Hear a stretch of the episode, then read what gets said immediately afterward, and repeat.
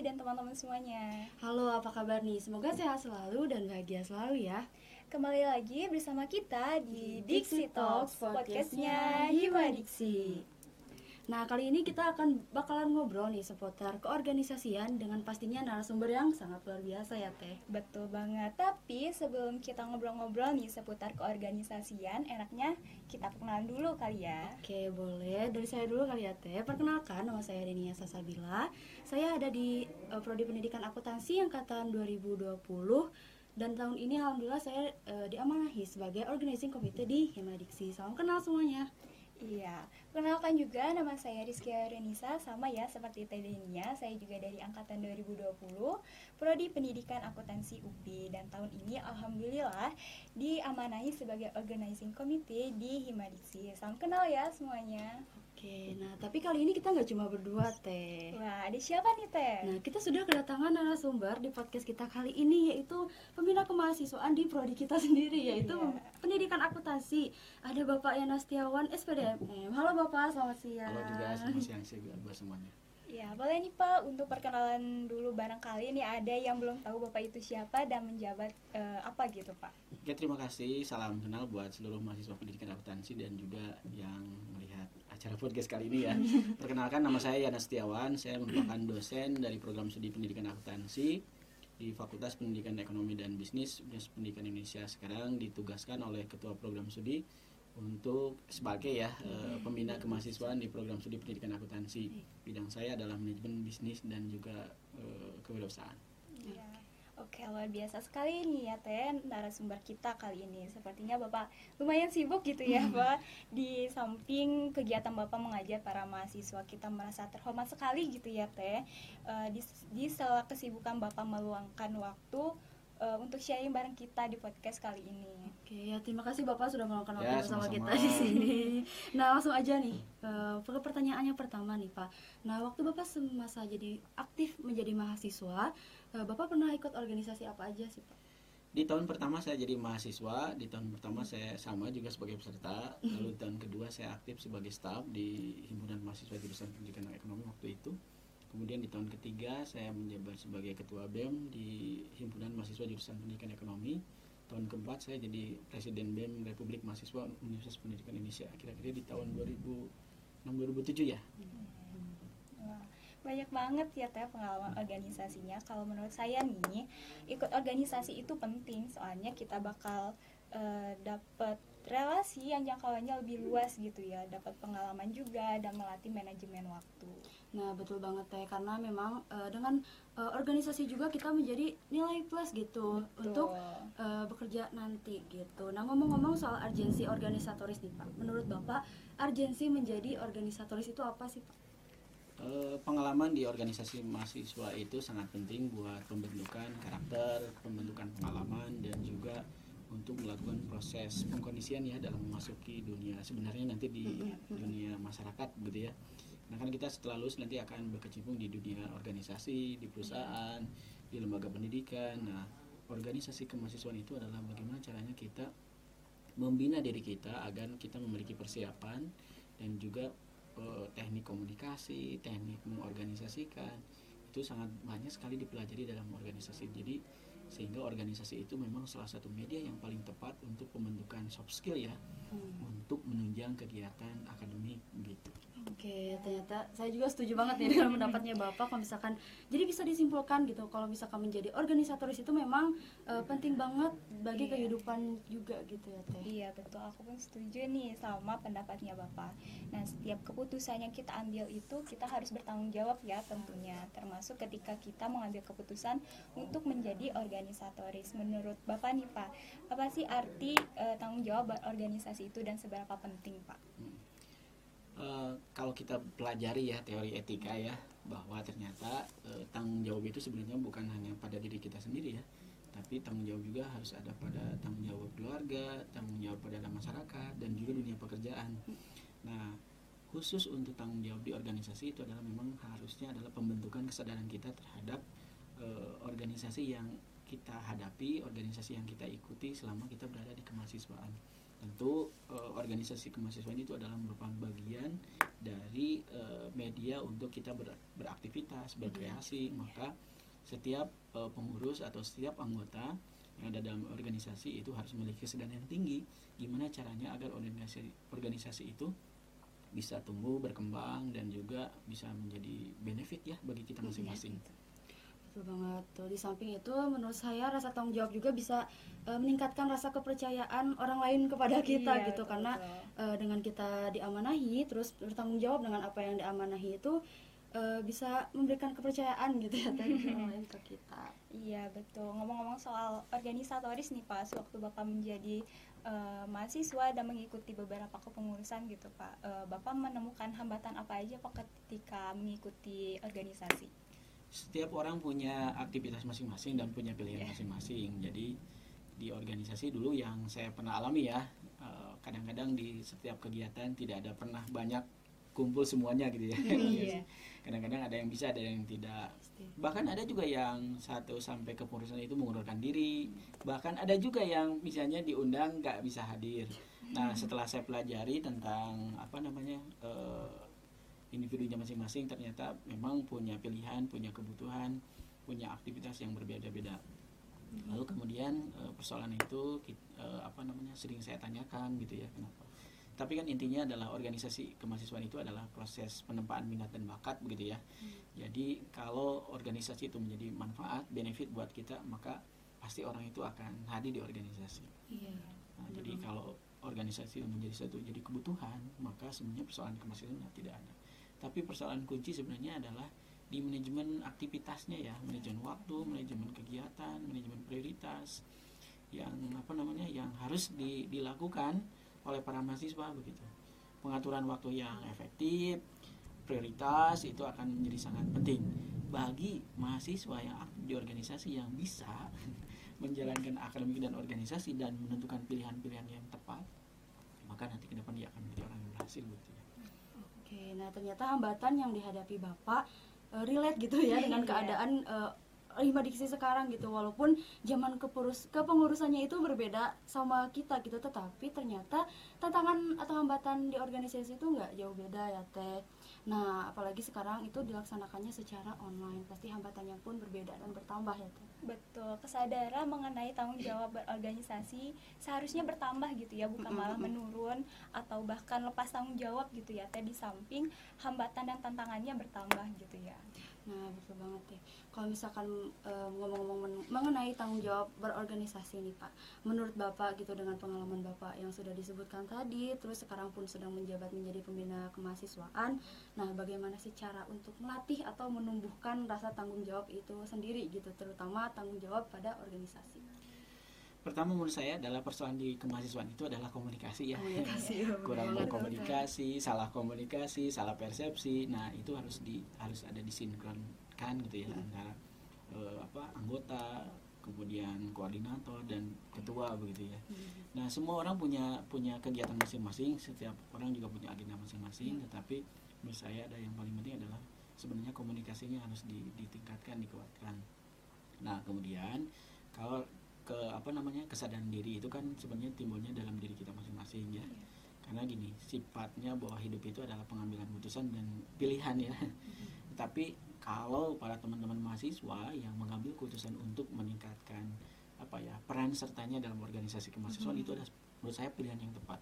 Yeah. Karena selain nanti kita akan e, meningkat dari sisi kompetensi akademik, kita juga akan meningkat dari sisi uh, kompetensi manajerial kita dalam kehidupan hmm. kita begitu ya yeah. dalam aspek uh, penunjang yang nanti sebenarnya uh, banyaknya dalam dunia organisasi di lapangan dunia pekerjaan ada sebenarnya berkomunikasi dengan orang lain gitu hmm. kalau uh, apa pekerjaan itu kan yang kita bisa selesaikan ya hmm. seberat apa pun pekerjaan pasti kita bisa selesaikannya yeah. dengan baik karena kan kita sudah dibekali ya secara akademik tetapi dalam proses interaksi. Nah, tidak tidak ada pelajarannya. Hmm. Nah, pelajarannya adalah bagaimana caranya para mahasiswa itu sebenarnya meningkatkan kesadarannya agar apa ya menjadi kebutuhan organisasi hmm. itu.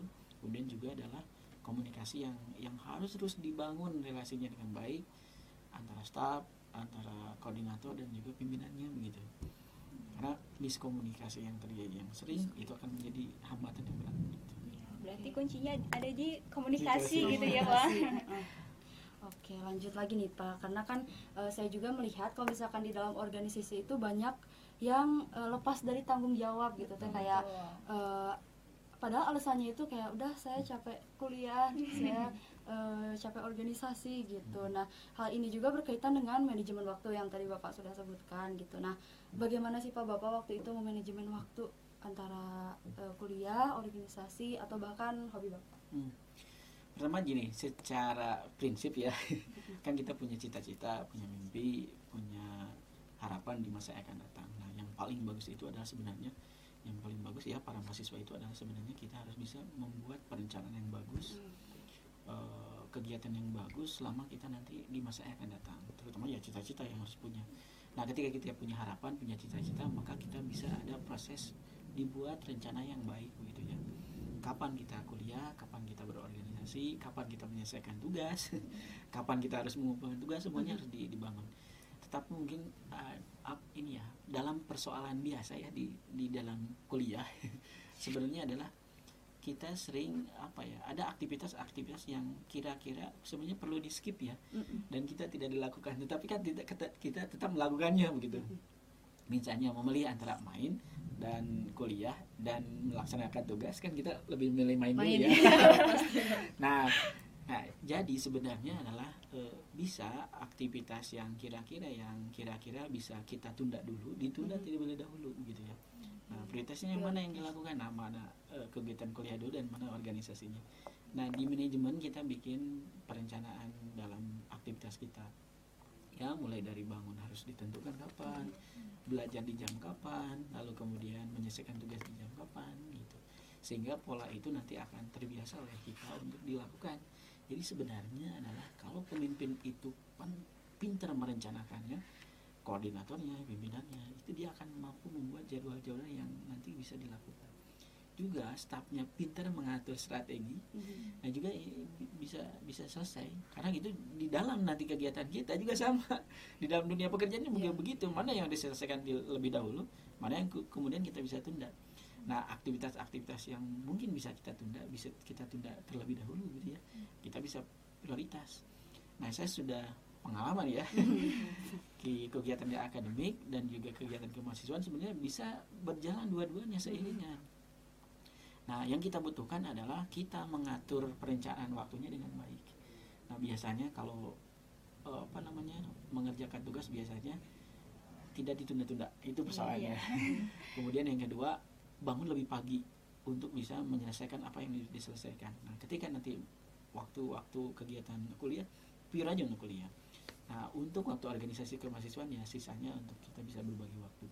Nah, aktivitas yang nanti untuk berat di kuliah sebenarnya adalah kita bisa prepare lebih awal gitu iya, iya, iya. nah dan sebenarnya kuliah itu kadang-kadang eh, apa namanya kita bisa atau tidak kan gitu nah kadang-kadang kita suka jarang komunikasi gitu ke hmm. orang yang bisa lebih binder gitu ya iya. nah jadi jangan jangan khawatir jangan sungkan kalau kita tidak bisa sesuatu justru organisasi itu adalah menjembatani nih hmm. kita untuk bisa lebih baik begitu ya dari sisi akademik maupun dari sisi organisasi begitu jadi kita bisa punya tujuan hidup punya impian punya cita-cita dan punya manajemen waktu yang baik.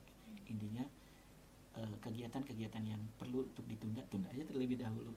Kan kalau kita udah keluar kuliah kan kita bisa melakukan apa bener nggak? Iya, nah, jadi kita tidak lagi kuliah ya gitu ya. Nah tetapi yang menarik adalah memang eh, kemahasiswaan dan akademik itu akan selalu beriringan. Nah siapa yang pintar mengatur waktu dia akan menjadi orang yang berhasil nanti berarti kuncinya itu orang yang berhasil itu yang pintar memanajemen waktu dan aktivitasnya yeah. Mungkin buat teman-teman buat to do list aja gitu ya hariannya. Nah, masih permasalahan yang tadi nih Pak, saya penasaran mengenai organisatoris yang hilang gitu Pak, yang lepas tanggung jawab. Hmm. Nah, itu tanggapan dan cara mencegahnya biar nggak ada yang hilang lagi gitu gimana Pak? Apa ya? Begini, uh, semua uh, mahasiswa itu kan punya pilihan hidup untuk yeah. kita bertanggung jawab melakukan apa dan bertanggung jawab kepada siapa ya gitu ya nah menurut saya adalah e, ketika kita sudah bergabung di pendidikan Indonesia setidaknya kita kuliah sama di biaya masyarakat gitu ya melalui e, berbagai skema pembiayaan pemerintah ya yang sudah saya pikir udah bagus ya hmm. Nah, tinggal kita bagaimana tugas kita adalah sebenarnya bukan hanya pendidikan, penelitian kan, tapi ada tugas lagi nih perguruan tinggi yang juga mahasiswa harus punya peran itu pengabdian pada masyarakat. Iya. Nah, jadi kalau kita punya kepedulian dalam riset, kita kepedulian pada proses pencapaian pembelajaran dan kita peduli terhadap lingkungan yang terdekat nih organisasi mahasiswa, maka itu sebenarnya harus sudah menjadi tanggung jawab yang harus dilakukan gitu. Bukan dihindari. Nah, sekarang kan sebenarnya lepas tanggung jawab itu adalah sebenarnya untuk apa ya menghindari masalah gitu ya. Iya, iya. Nah, nah sehingga yang terjadi adalah sebenarnya tidak tuntas semuanya begitu ya. Kuliah tidak capai mencapai gitu ya. nambah masalah Nah, organisasi tidak tidak tidak berjalan dengan Iya. baik begitu. Nah, yang harus dilakukan sebenarnya eh, mengenali eh, prioritas kita dalam mengambil keputusan gitu dalam kehidupan. Karena gini, prinsipnya adalah kalau mengambil keputusan itu adalah cari dampak kira-kira negatif yang lebih yang lebih sedikit gitu dan dampak manfaat lebih banyak. Iya. Menurut saya, organisasi kemahasiswaan memberikan dampak yang sangat banyak. Iya. Nah, sehingga harusnya ini menjadi peran yang harus dilakukan oleh para mahasiswa pendidikan akuntansi gitu. Kalau kita kita tidak kita tidak siapa lagi gitu ya selain kita ya benar nggak? Nah, tapi ketika Bapak nih waktu mengikuti organisasi dulu ada nggak sih Pak eh, dengan eh, tadi Bapak sudah menyebutkan ada anggotanya yang sampai mengundurkan diri gitu dari organisasi ada konsekuensinya nggak sih Pak kalau misalkan anggota yang kayak gitu? Eh, saya pernah ada yang kalau diundang juga ada yang hadir, ada yang tidak hadir, kan itu kan eh, balik lagi masing-masingnya ada yang melakukan diri juga sama. Nah hanya begini, eh, mungkin orang punya masalah yang berbeda ya, yang Iya. mungkin masalahnya bukan hanya masalah kuliah, bukan masalah apa kemahasiswaan saja, tapi mungkin ada masalah di di kitanya masing-masing gitu ya. Hmm. Nah, sejauh kita bisa mengatasi masalah itu dengan baik, maka eh, harusnya kita bisa memahaminya dengan baik. Iya. Nah, prinsipnya gini, organisasi itu kan bukan kewajiban saja gitu ya. Jadi bukan wajib yang harus diikutin gitu ya. Tetapi adalah media organisasi itu adalah media yang tepat untuk kita melakukan pengembangan diri. Yang dapat memberikan benefit bagi kita, bagi akademik maupun maupun na- nanti di, di masa kerja begitu. Sebagai habituasi kita dalam memahami nanti dunia kerja. Nah, jadi kuncinya adalah sebenarnya eh, kita tidak ada hukuman ya untuk di, di Iya, organisasi, tapi lebih ke arah eh, ini enggak kita kalau tidak dalam suatu kegiatan kita tidak hadir kita merasa bersalah benar nggak? Iya. Iya, iya betul. Nah itu yang ada dalam diri kita yang nanti kalau kita tidak hadir itu sel- selalu merasa masalah, gitu. ah, terpikiran masalah. Nah mungkin semua orang punya masalah masing-masing. Nah tugas kita sebenarnya adalah mengajaknya, mengajaknya mau mau ikut berpartisipasi kembali atau tidak, terus sering ngobrol gitu ya apa yang dibantu. Nah karena masalah itu berbeda-beda, Iya. semua orang punya masalah dan di sini pimpinan paling tinggi itu harus pintar sekali berkomunikasi. Cari kenapa kenapa tidak mau ikut organisasi. Nah tetapi yang saya ingin harapkan adalah dalam bagi mahasiswa akuntansi yang tidak ikut eh, organisasi misalnya atau tidak hadir eh, berikan eh, apa alasan berikanlah eh, keberatan kenapa dan sampaikan dengan baik. Nah, kalaupun kita tidak bisa berperan serta dalam organisasi secara langsung, bisa tidak secara tidak langsung juga bisa. Ya berkontribusi apa pun. Yang penting itu adalah kita sebagai warga negara, sebagai mahasiswa itu harus bisa berkontribusi, berperan dalam apa pun ya, organisasi apa pun yang positif, yang bermanfaat. eh, kita harus wajib turun tangan untuk berkontribusi sebaik mungkin gitu. Oke, berarti kalau misalkan konsekuensi itu sebenarnya nggak ada ya Pak, tapi lebih ke mencari solusi gitu Iya. ya. Ya, moral saja konsekuensinya malu. Oh. gitu ya. Iya. Merasa bersalah juga Merasa gitu ya. Iya, kepikiran. betul, betul, begitu. Mungkin langsung ke pertanyaan terakhir nih Pak. Bagaimana tips dan trik mengenai eh, tanggung jawab berorganisasi gitu Pak? Eh, begini, hmm, organisasi mahasiswa kan dari mahasiswa oleh mahasiswa untuk mahasiswa ya. Iya. Nah, jadi untuk membangun kesadaran terhadap organisasi itu sebenarnya mudah. Kita rela saja terhadap eh, apa tugas-tugas yang eh, menjadi tanggung jawab kita. Iya. Jadi sebagai mahasiswa kita harus tahu bahwa tugas kita adalah di perguruan tinggi pendidikan, Iya. penelitian dan pengabdian pada masyarakat. Kita wajib riset, kita wajib untuk menyelesaikan proses uh, pembelajaran dengan baik nah yang terakhir adalah pengabdian pada masyarakat jadi mahasiswa itu tidak bisa jadi menara gading berada di atas terus hmm. Tidak bisa berkontribusi nah sekarang kalau yang berkontribusi siapa selain mahasiswa itu ya yeah. nah, dosen sudah melakukan peran itu pimpinan kampus juga sudah melakukan itu tinggal sekarang bagaimana caranya kita menekankan bahwa kita punya persoalan di masyarakat, masalah di lingkungan yang yang paling kecil lingkungan organisasi. Nah, sehingga peran pengabdian pada masyarakat itu selalu menjadi filosofi kita dalam melakukan proses e, pencapaian masing-masing cita-cita kita dan juga tujuan e, yang penting adalah di organisasi supaya organisasinya berkembang ya, maju terus kemudian kegiatannya jalan, prestasinya tercapai. Dan saya perlu saya sampaikan bahwa saya sudah membuktikan ya, bahwa organisasi itu sangat membantu sekali dalam uh, pencapaian dalam dunia akademik begitu ya. Mm-hmm. bentuk juga akademik ikut membantu memperkuat kita uh, kita harus memahami bahwa fungsi dari mahasiswa ya Sivitas Akademika UPI salah satunya mahasiswa ya dosen ya itu punya tugas tridharma perguruan tinggi pendidikan penelitian dan pengabdian masyarakat. Mahasiswa harus cerdas melakukan riset harus bisa melakukan riset publikasi kemudian juga mahasiswa harus bisa melakukan proses penuntasan pencapaian akademiknya dalam hmm. pembelajaran. Yang terakhir adalah pengabdian pada masyarakat. Nah, ini ini yang paling berat tugas di organisasi itu adalah salah satu bentuk kewajiban kita tugas hmm. kita untuk melakukan pengabdian kepada masyarakat terutama di organisasi kemahasiswaan. Nah organisasi kemahasiswaan siapa lagi yang harus berperan? Ya selain mahasiswanya itu sendiri. Nah eh, sadar bahwa kita memiliki peran penting untuk nanti berkontribusi terhadap masyarakat, maka semua mahasiswa wajib berkontribusi pada organisasi kemahasiswaan, tentu dengan eh, kemampuan eh, yang dimiliki masing-masing.